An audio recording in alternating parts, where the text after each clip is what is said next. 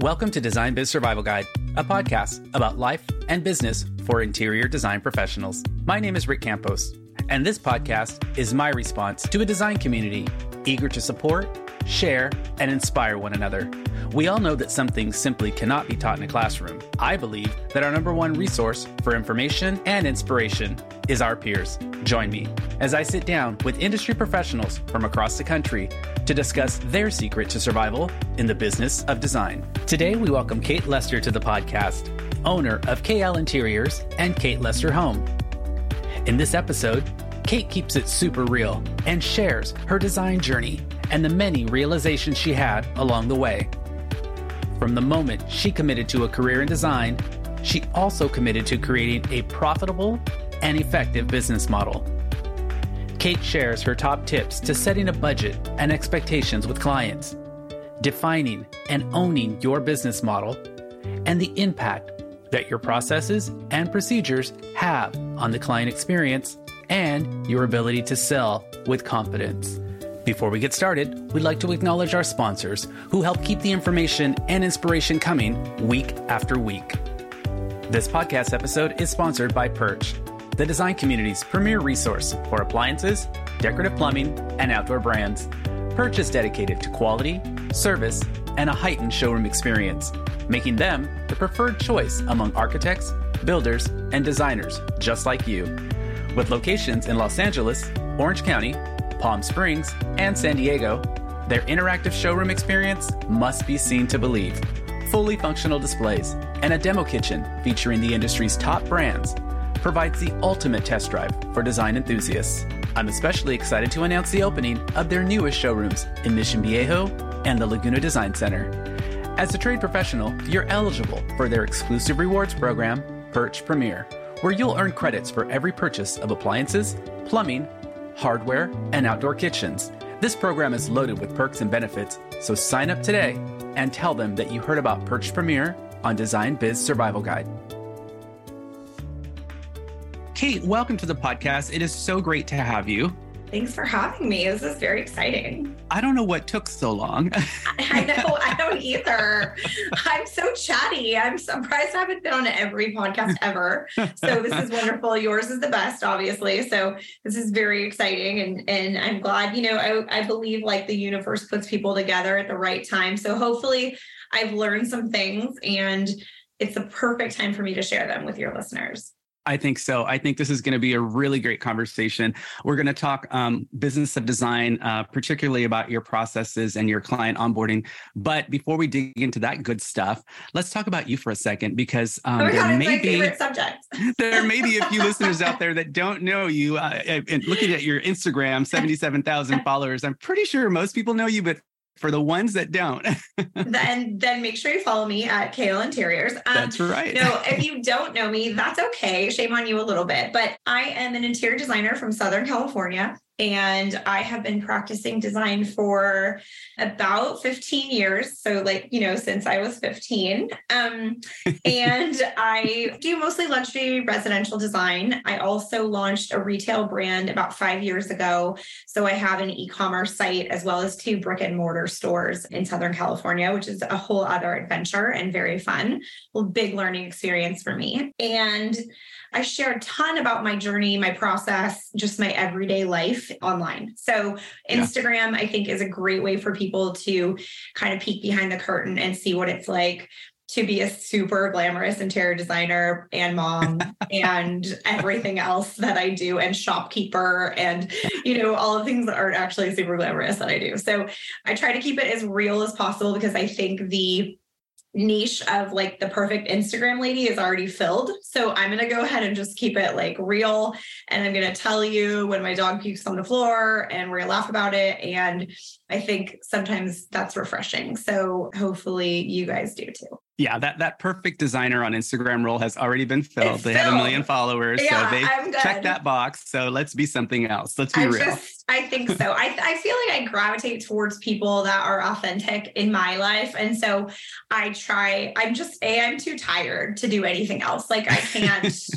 I'm exhausted. So I have to show you what's really happening in my life because I, I literally don't have the energy to put up a facade of anything right. else. So, so I like it. I want people to see that, you know, these successes that we've had and these, you know, things, they don't happen overnight and there's, it's still not super glamorous on a daily basis. I still uh, I emptied the trash at my office the other day. So like I have 10 people working for me and I took the trash out. Like it doesn't matter. We're all doing the things, you know. So I just think, I don't know, it's important for me that people see that because I think sometimes people have, you know, they get a distorted image of what it would be like if you got a big firm and you got stores and you had all these things and you were an architectural digest and now you don't have to do anything anymore and that's not true yeah. that's so not true, not true. well kate in the interest of transparency yeah. uh, let's go backwards a little bit so at the young age of 15 i'm just kidding. I, I know i'm joking. i know you're joking.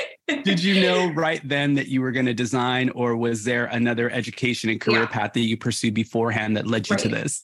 No i mean no i don't think anyone ever starts out I mean, maybe now but back in my day you didn't start out saying you were going to be a designer because a my family didn't know any rich people right? Like we were we were decidedly middle class we didn't go to a country club there was nobody on my street that was having a, a designer right so it, it wasn't even like really aware i just knew i was creative but i also knew that i really wanted to be a business lady. I wanted to like wear a pencil skirt seriously and heels and a briefcase and I wanted to work in like a super tall high rise building, probably downtown, maybe New York, where I could tr- transition my outfit from day to night, like Cosmo told me you could do. and so I was like really excited about this. I was going to be a business lady. I was going to work with all these men. I was going to show them who was boss. So I actually got into the business world at corporate America, finance. I went to USC business school and I really excelled in that, got recruited out of college, was working in corporate America, and just realized, like, wow, I hate this. I just, you know, I'm 23 years old and I already hate this. And this is like going to be the rest of my life. So burnout at 23. right. So I remember calling my parents and just telling them, yeah, I'm going to just quit my job that I make six figures at in like, you know, 19 or two, the year 2000, which is like so much money for a 23 year old. And I am going to go back to school to be a designer and I'm going to bartend. So, you know, my mom is a total hippie and she was like, oh, that's amazing. Follow your journey. And, you know, and everyone else was like, Thank God. what the fuck is wrong with you? You know, I thought my grandparents were going to like die right there. So not everybody thought this was the best idea, but obviously I don't care. My mom said, follow your journey. We're just not going to pay for this journey because we paid for your last journey. So I did. I went back to school uh, and I studied interior architecture. You know, I knew I I knew I would have to learn really I, I, wanted to be really good at it. I didn't want to be just a pillow fluffer, right? If I'm going to do right. this and I want to know architecture, I want to be the best. So I did go back to school. You know, I learned AutoCAD. I, I learned, you know, how to, re- I already knew how to read building plans because my grandfather was a contractor, but I, I, you know, I really learned codes. I learned all the things hand drafting, which is just a nightmare. so yeah, so I did that. And then once I realized that I could get a job with the skill set that I had, I dropped out of design school because I was like, mm-hmm. I already have a four-year degree from like a top 10 university. I am not painting a color wheel with you guys on a Saturday morning, right? so I knew time was money and I had student loans to pay. So I went and got a job selling furniture at Ethan Allen. And then I went and got a job, which was the worst years of my life. And then I went and got a job working for a designer, a luxury designer, which was amazing. He taught me so much. And it's sort of, he sort of introduced me into the world of, you know, really niche luxury interior design. So I stayed yeah. with him until I started my own company, which was really helpful. I mean, when you work for someone else, I really think it's the best experience. Like building your own house is not oh, yeah. the experience you need to become a designer. I'm going to say that again. Okay. you have to work for someone else. Like you have to understand that there's so many other things at play besides just selecting items for yourself. You can be creative, but there's like 80% other crap that happens when you have a design firm. So that was really eye opening to me to see all of the different things I needed to know that they don't teach you. Yeah, I think that that's really smart because, like you said, working for that designer taught you a lot about design, but it also probably taught you a lot about the business of design and yeah. running a business. And listen, if you just want to design for a living and work for someone else, then maybe you don't have to worry yourself too much with the business, but I think right. you should still understand it. But if there's an inkling telling you that you want to run your own business, you better work for someone and pay attention to what's happening behind the scenes. Yeah. You know, you need to be in that moment and you need to be exposed to the impact that that mistake just had on the bottom line and yeah, I mean, payroll due stuff like that yes you know? i mean just the fact that like you know he had been in business for a long time and you know he had a decent contract but i don't think like compared to my contract now which is like a myriad of pages you know there was things that that he wasn't protected against and as a business like person and as a person who worked in corporate america i was like ooh if I have my own company, I'm going to put a clause about that in my contract, right? Like, exactly. I'm not delivering your furniture until you are paid in full, or I am not, you know, at Crate and Barrel, you can't be like, I'm going to give you a 30%, and then maybe if I like it, I'll pay the rest. like, so I think there's certain things that as a business person, if you look at it from that perspective, that I realized, you know, that I had witnessed a lot of really t- talented designers go out of business in 2008 mm-hmm. because mm-hmm. they hadn't you know, predicted what would happen. They hadn't diversified their business and they just really hadn't focused on the business of design. And they were super talented, but in the end, it doesn't matter. You know, yeah. like it's at crazy. the end of the day, business is business. It is. And we're all here. We're really just trying to, as my daughter would say, make some Benjamins um, at the end of the day. So, you know, you want to make money doing what you love, but you do, you do want to make money. It is a business. So we're going to talk about that today. And that, like, I will tell you that is my passion is teaching designers and, and, and like, I don't do it, but anytime I have a platform to just get the word out to designers to like be better, do better when it comes to the business of design, I'm here for it. So I'm so excited that that's what we're talking about today. I don't even need my espresso. well, I mean, let's just dive right into it. I mean, when you and I spoke, you know, so just like designers do. We had a little discovery call to make sure yeah. that we're a fit and that everything's going to be great. And I knew it was going to be. And so during that call, we talked about a, a lot of things. And one of those things was kind of identifying your superpower.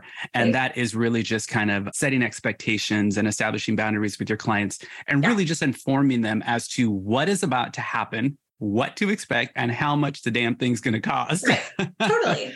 and I think, I mean, that's a no brainer, but so many designers struggle with that. And so if you could share with us like your top three tips on kind of setting the stage for that yeah. that works for you and hopefully the designers listening can adopt some or all of that process in their own business to help kind of alleviate that that right. pressure and stress associated with that part of the business right well i think you know the first thing you want to do when you're obviously when you're onboarding a new client is you know you want to dress for the job you want right? So we talk about this a lot like do you have an onboarding process? Do you have you know something where you you send an email when someone's interested and you set up a discovery call? You know just making sure that you have some processes and procedures in place so that you look like a well-oiled machine. Because if you want a client, if you're saying, you know, on my vision board, I want a client who's going to spend, let's say, $100,000, right?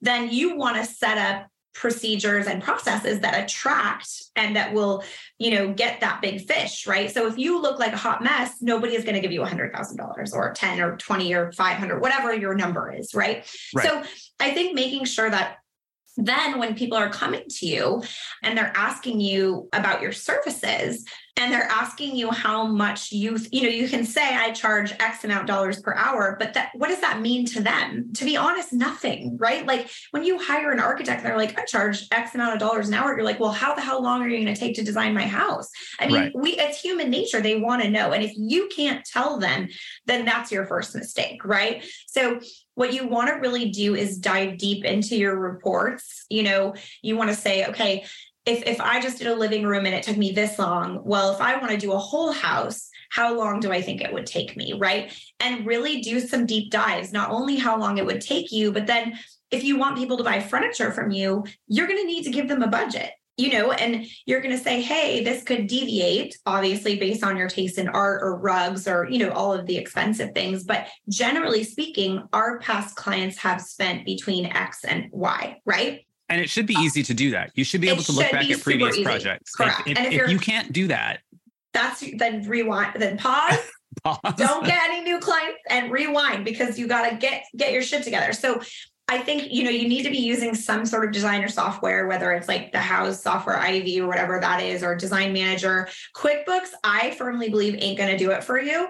They may be like evolving, and there may be some designers that tell me they they don't believe me. That's fine, but I would say there's so many great programs out there now that are specifically financially for designers that Yeah. can run reports. They can say, "Hey, here's your P&L and a P&L is a profit and loss. You should learn this for this project. Here's what you spent, here's what you made, here's what your margins were. Hey, you made a bunch of money on drapery, but you lost your shirt on the tile. So maybe, you know, put your markup on that a little bit more." So these are the things that like when you're getting checks from clients and they're giving you money and you're buying you're like i'm doing so great and then you run your p&l and you're like holy crap like i can't i gotta do it much more than a 20% markup i only made x amount of dollars so Right.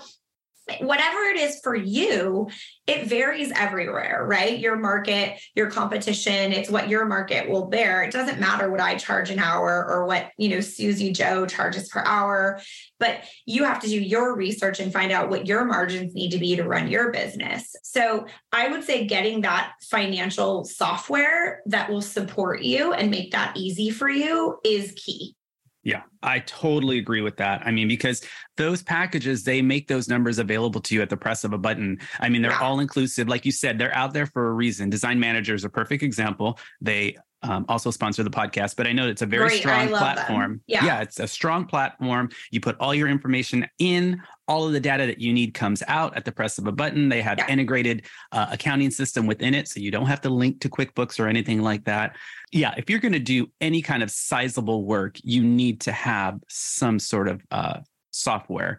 Yeah, to- I would. Say, yeah, I would say if you're purchasing furniture for your clients, like if you're not just billing hourly, right? So Yeah. people who are billing hourly, take your QuickBooks and run, right? Completely. I'm also going to tell you that you're leaving thousands and thousands of dollars on the table. I So we'll agree. just- We'll just end that there, okay? So if you really want to make money and you really want to do these big projects, by the way, like if you're if you're charging hourly and you don't want to buy furniture, I would say that you can that that is going to eliminate the big fish, right? Because my Mhm. clients that are super wealthy, that are top, you know, one percenters, they are not buying their own furniture. They are tired, they are busy. They're like, I want to wire you this money and then six months later, I want to show up at my house and I want to be perfect. Like they Right. don't want to be involved, right? So also know what your goals are, right? Who's your who's your dream client? So if you are buying furniture for clients and you're purchasing and you're making custom pieces, which you should be doing because you're creative and you're talented, then you've got to know how to how to charge for those pieces and you have to know if you're making money at the end of the day when you deliver those pieces to your client right. and it's eye-opening when you when you read these reports sometimes you're like wow that was a beautiful sofa that i made 45 cents on it's a learning curve it's a learning curve I'm glad that you said that though, because you're right. Um, you're leaving money on the table if you're not going to sell furniture. And I know that it's a total pain in the ass, but it's worth it's worth the the stress associated with it. I know it's complicated and there's a lot of, you know, things show up damaged and scratched and that sort of thing, but it's worth all of that if you're applying an appropriate markup or margin to it. yeah And that's a lot of money. and also if you i think if you have a receiving warehouse i mean i we use a receiver right? So mm-hmm. everything you know all of this shit isn't shipping to my garage you guys. Like i have somebody who is receiving it they're photographing it they're making sure it's not damaged and then they're actually dealing with the returns and they charge us for this obviously it's not a free service. But there are places out there that work with designers. So you don't have to have your own warehouse. It doesn't have to be daunting. You don't have to have a staff of 50 people. I started out with two people, right? Actually, I started out in my guest room with just my husband. So that was terrible. But, you know, I mean, you got to you know, start you somewhere. don't, yeah, you don't have to have a huge staff to do this. And, you know, what we do is we explain to our clients from the very beginning if you've ever furnished a home, you know how hard it is to figure out how to order everything. You know how annoying it is when something comes and has to be like slightly assembled, or if it comes and it's damaged, then you have to facilitate it. We do pass that fee on to our clients and explain to them that this is just part of our process. And this is the way we work, and this is the way it works. And it's it is just the way that, you know, I can't tell you, I do have people that say to me, I'm going to go ahead and not do that. I'm going to have everything shipped to my house. And I say, that's totally fine. We're just not the right fit for you because this is our business model, period. Yeah. Because you've somebody, you it. just got to stand by it because it sets you up for success because they don't want to do it or they don't want to pay for it. Then you stress and you can't sleep at night and you're freaking out and it's all a mess. And then you're going to be mad at yourself. So just stick with your process. We'll get to that more later. But I think you want to you want to have your processes set up. You want to have your people, you know, that if you are buying furniture, which you should be, you know, get that set up so that you can facilitate that in a way that's profitable for you and really get that software dialed in. I agree with you. I've been using Design Manager for my entire career and it's a game changer. It's just like, you know, you, you it's the best thing I think you can use for a design business going back to the conversation with clients and you know that that 1% and their expectations yeah what is your process like i know one of the biggest challenges is having that budget conversation with yeah. the client so once you've done your part in-house which every designer has to do you have right. to either look at that data or calculate numbers yourself right. i've told designers before if you don't know how much it's going to be this is your chance on your dime to go ahead and homework. design it yeah. and find out how much it's going to be. And if it doesn't yeah. work for them, you have that point of reference for the next client. Right. So we talked about this, I think, on our discovery call. I I watched The Profit with Marcus Lemonis, right? And I remember watching an episode where he's talking to this guy who owns a cupcake store. And he's like, How much does it cost to make one cupcake? Let's start there. And the guy's like, I don't know. Right. And so he didn't know his yeah. financials. He didn't know how much it cost to make a, he had one product and he didn't know how much it costs, right? So you have to know how much it costs to run your company. So you know how much you can charge. And then you have to check, do your research of what is my market charging, right? So you, you get all that out of the way. Once you're set, you have to know your market, right? So I know about the range of square footage that my clients are generally bringing me in my area. We're by mm-hmm. the coast, right? I'm not, we're, we do not have 20,000 square foot sprawling villas, right? Everybody is about in that 5,000 square foot range. It's like tall and skinny houses. You know, they've got a basement, they've got like, so I kind of figured out, like, just from driving around and doing my research, like who's building what and what those plans look like. I talked to some builders and I was able to sort of figure out a general reference of what I thought I needed to charge based off of a typical home, right? Mm-hmm. And then and then I furnished that home in my mind. Well, I did it over the years, right? But if right. you want to start, you know, you can do it in your mind. You can do it from like restoration hardware. You can do it from like, you know, you could get a pretend client and make a budget for them and see what you think it would cost. I mean, whatever you want to do, but you have to know what it's going to cost. So now when people right come to us with these projects right away during our just you know we do an email exchange before we even do a discovery call that really tells people you know this is what an investment in our services looks like and mm-hmm. it is an investment okay there is a minimum spend right because we want you to know that what brought you to us. If you went on Instagram or you saw our home in a home we did in Architectural Digest or House Beautiful, that's what it costs. And the truth is, I can't really do it for less than that because now I know how good it looks. Right. Exactly. right? And now you know how good it yeah, looks as, so, as a homeowner. As a homeowner. So, so what I tell people is, look, this is what it generally costs for time. And this is what our clients usually spend and it's a range it's a big range but it, that's actually in our first email and mm-hmm. isn't that crazy like a lot of designers would be like oh my god i never do that but you know what it like saves me so much time and energy of people coming to me saying I just really want you to do my powder room. And like, that's not my business model anymore. I can't support those right. single room design projects, right? So, right away, it tells you that if you want to use our firm, an investment looks like X and Y.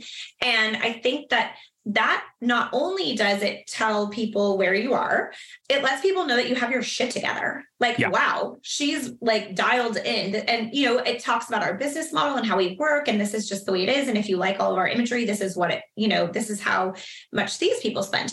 And right away, we do that before we even get on the discovery call because I think it's really important to get those conversations out of the way. A lot of designers, I feel like, do you not think that people know they have to spend money? Like we are a luxury service. Do They're ready not, to spend money. do not pass your discount on to these people. Okay. When I hear this, I just want to cringe. So th- this is your business and they are hiring you. Like I sometimes I think that designers just need to take a step back and realize that they are like special magical unicorn creatures that have a that have a gift that other people don't have and they take it for granted sometimes. And when you realize that like people who aren't good at design they can't figure it out. It's a gift okay? Right. yeah. so charge accordingly for your gift. I, I agree with you. I think sometimes designers forget they are creating the most special space yeah. to other people. It's the space that we wake up every morning to. Yeah. We go to bed every night to. We share family uh, meals with our family yeah. in. Like the home is such a special space. It's such a huge responsibility. So to think that someone's just going to hand that off to you willy nilly and not be interested in investing in that, right? It, it's kind of silly It's well, and I think if you're, especially if you're a smart, you know, if you when you're talking to people, so let's say they're they they get your email or whatever it is about your minimums or your packet, however you want to package it, right? Sure. And then you get on your discovery call and they have questions about this process. You want to be upfront and direct, right? You want to say, this is exactly why you want to have the numbers to back it up. You want to say we get these numbers from reports of past projects. You want to understand freight costs and inflation and you know be able to say, look, this is what it would cost today. But if your build takes 3 years and we don't buy your furniture for 3 years, we want to remember that inflation yeah. is happening, freight costs and surcharges are increasing, you know, so you want to be knowledgeable about your craft. And yeah. I think people instead of being scared or crazy most of your clients are probably business people. I mean unless they're trust fund babies i don't know.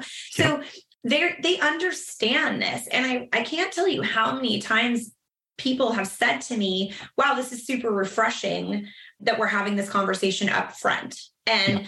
then we can all have the conversation. We can sign the contract we can get moving forward. And then i have a budget that i my client already knows about that i then can just have fun with right? Because we've already had this conversation of this is how much it's probably going to spend it costs right? Yeah. and so i think then you know every month when they're getting the bills or when you're presenting the the proposals there's no surprises you know, they're still going to probably complain because that's like what people do. That's fine. I'm always fine. like, oh, okay. That doesn't go away. yeah, it's fine. But but at the end of the day, you know, you really set yourself up for success and obviously stick to your budgets. We use that budget throughout our sourcing process.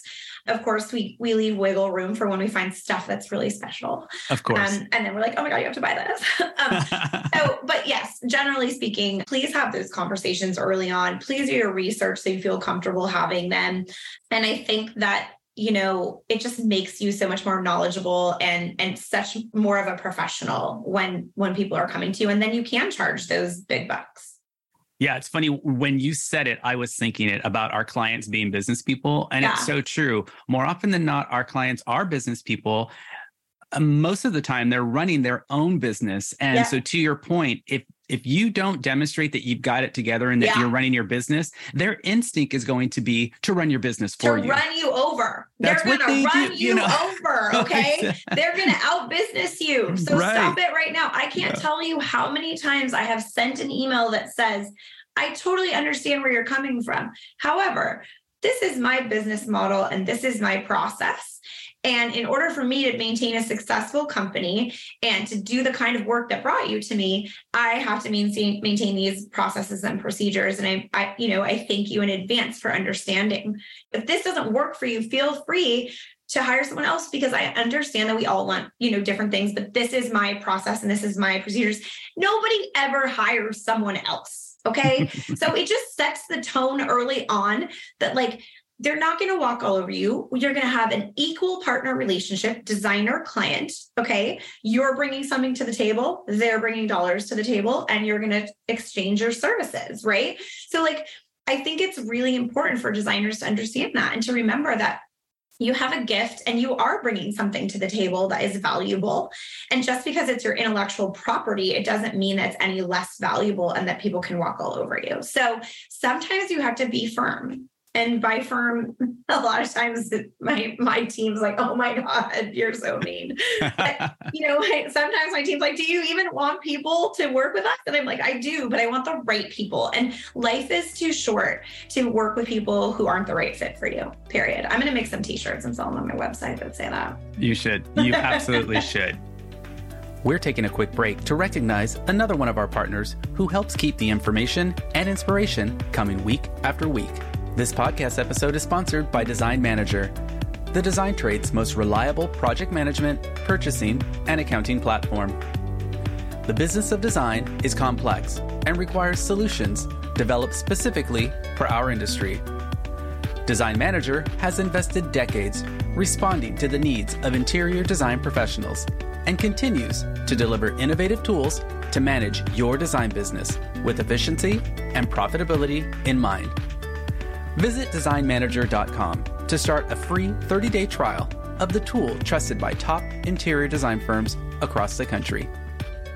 So let's talk about um, processes and procedures since you brought yes. it up. Love them. Um, and, and and when I say processes and procedures, let's talk for a second about like how internally yeah. you have set it up to where you and your entire team are constantly contributing to these expectations and these boundaries that yeah. you've established at the right. beginning because it doesn't just happen the first week the first month it has to happen consistently throughout the All entire the process otherwise it's it's it's not going to work all the time. And I will tell you, I firmly believe that like everything happens for a reason and that your journey is like just a bunch of learning experiences because during my time when I was in school, I worked at a bar. And not only did I meet my husband there, yay, right? But I worked at this bar where they had a procedure for everything. It was like laminated. It was like, this is how you turn on the lights. This is how you log into the cash register. And I was just like, wow, what a bunch of morons we they think we are, right? But what I realized is like it sets them up for success, right? Like in a bar, you have high turnover. And and I thought to myself, like, huh. So as I started growing as a company and I couldn't be micromanaging everyone all the time, which is my favorite thing to do. I realized that I also needed these procedures. So we literally have a procedure for this is how you answer the phone at Kate Lester Home. This is how you answer the phone at Kate Lester Interiors. This is what happens when someone calls. There's a little sheet, and this is what you say, and this is the email form you send them. And then this is, then we have procedures for this is how you order a custom sofa. This is the sheet right. you fill out. This is what you attach.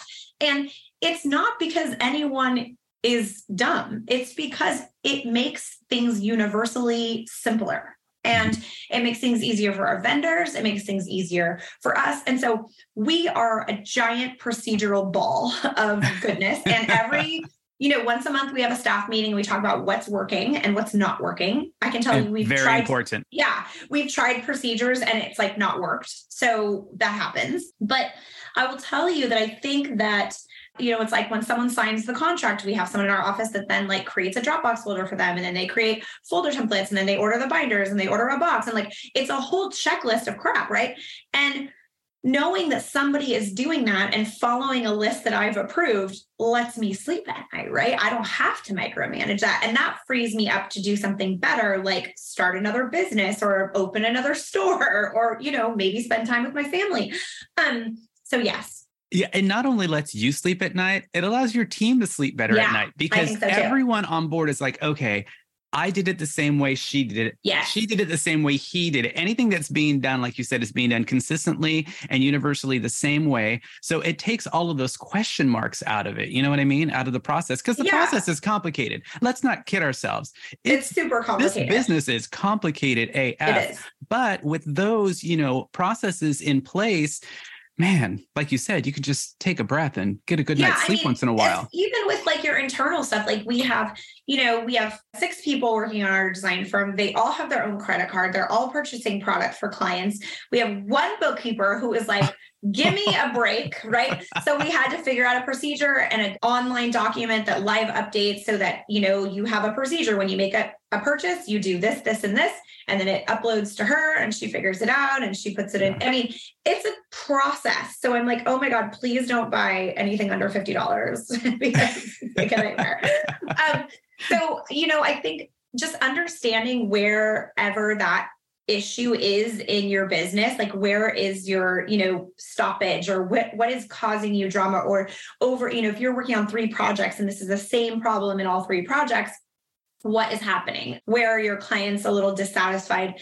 And then you can streamline that with a process or a procedure. We have a laminating machine. We freaking love this. We ah. love we do it in the stores. We've got like a process for everything. We've got a process for like how to turn on the alexa.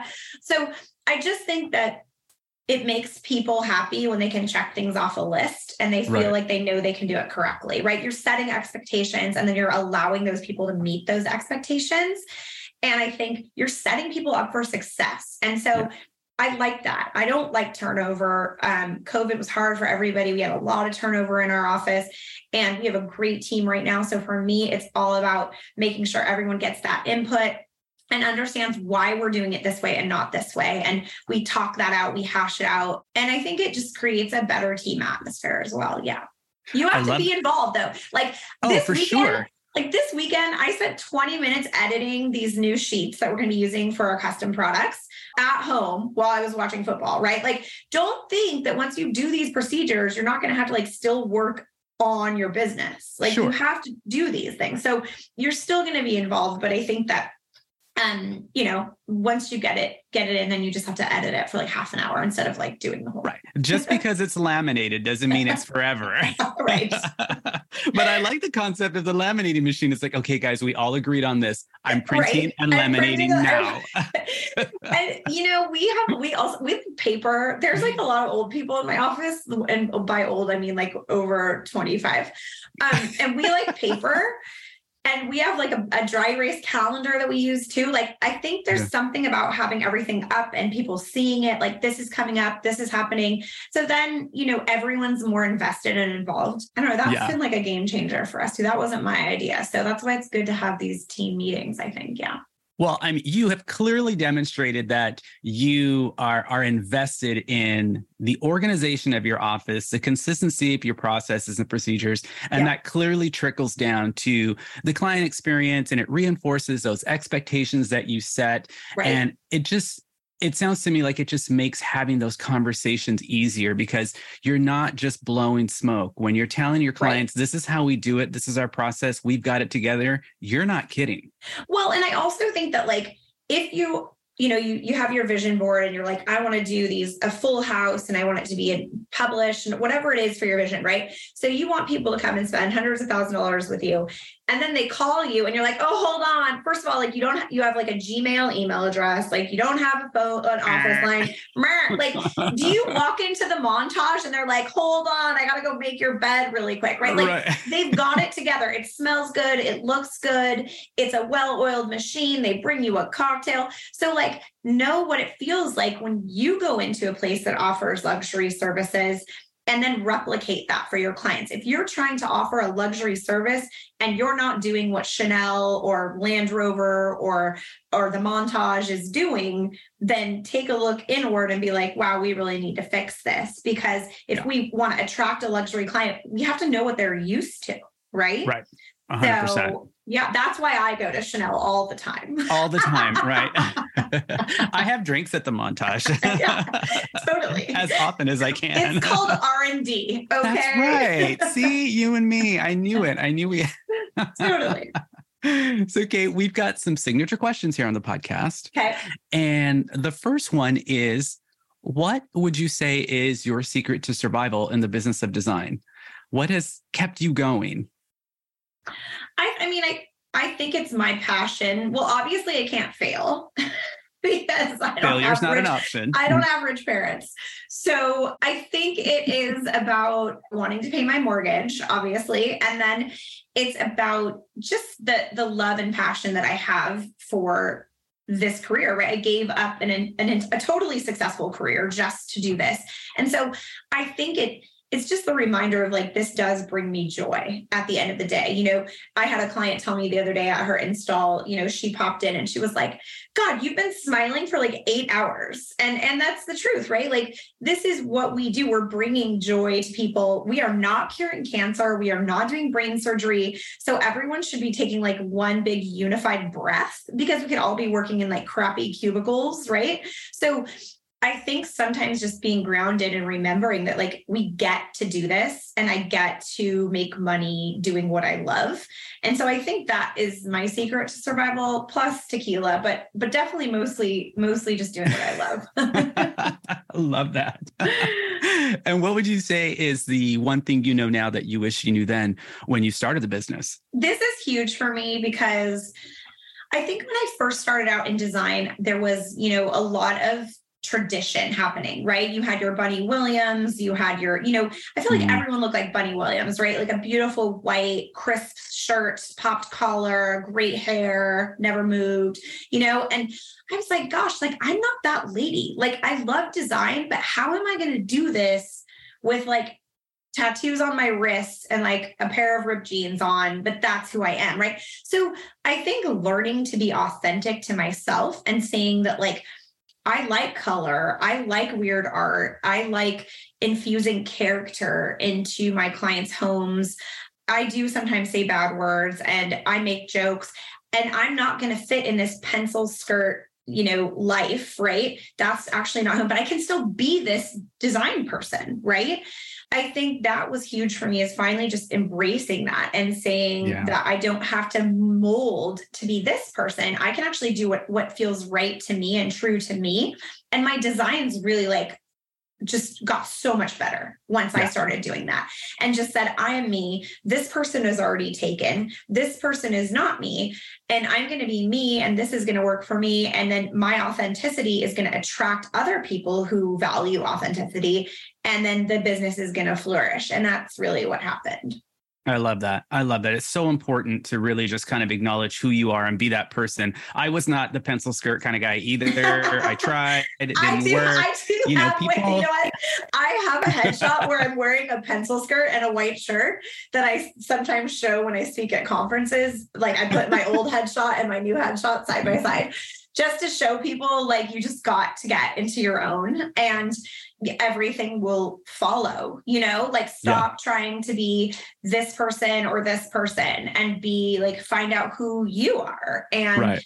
that will make your business flourish yes I remember for, I spent years in this business designing. And then when I crossed over to do what I do now, and it was so freeing. And everyone was like, "When did you get all those tattoos?" I'm yeah. like, "About 13 years ago." It's right? like I literally wore like a long sleeve shirt for six years of my life. Right. I just think you've got to do you, and hopefully that that's something that translates into you know my family life. I have a daughter, and that's so important to me that she learns that as well. Is like you do you, you be you, and like what other people think is really none of your business. Like you just roll with it. Yeah, a hundred percent. 100%. So, on that note, yeah. what would you say is your personal definition of success? And that's kind of a new question that I've added to the podcast. I, like I replaced that. the last one because I think it just has so much meaning. And at the end of these conversations, I feel like we really have the listener's attention and they're thinking and they're yeah. thinking. And I think it's such a great way to end the conversation with your personal definition of success. Yeah. You know, I think it's about keeping it small, right? And keeping it like tangible. And I will tell you that for me, I grew up, my mom was divorced and we were single parent household for a little while. And I remember going to the grocery store and I remember like seeing her like mentally calculating how much was in our basket. Mm-hmm. Right. Mm-hmm. And being like, okay, okay, like that. Okay, we're good. We're good. And I think like just that little moment, and then knowing I was at the grocery store with my daughter the other day and realizing that like she'll never have that experience and that I don't have to mentally calculate, like I can just buy whatever groceries we need. And that is like a little that's like a moment of success, right? And I think it's about measuring those moments and just embracing that moment and getting in the car and being like, well, hell yeah, like that is huge. It's huge. There are hundreds of thousands of people every day counting a tally at the grocery store, and I don't have to. So it's not about like where you're published or who your clients are. For me, it's about, wow, like it's just one small thing that I was able to achieve that is changing, you know, the course of, of my life that I'm really grateful for. And whatever it is for you, I encourage people to try to find maybe one or two things a week or a month that you're like, wow, that's amazing. Like, you know, I don't have to worry about this, or I'm able to do this, or, you know, I'm able to, I own my own business. I'm able to go on my daughter's field trip, right? Like that's right. huge. So I think it's those are the little things that remind me that I have have had successes because I'm able to do those things that that are meaningful to me.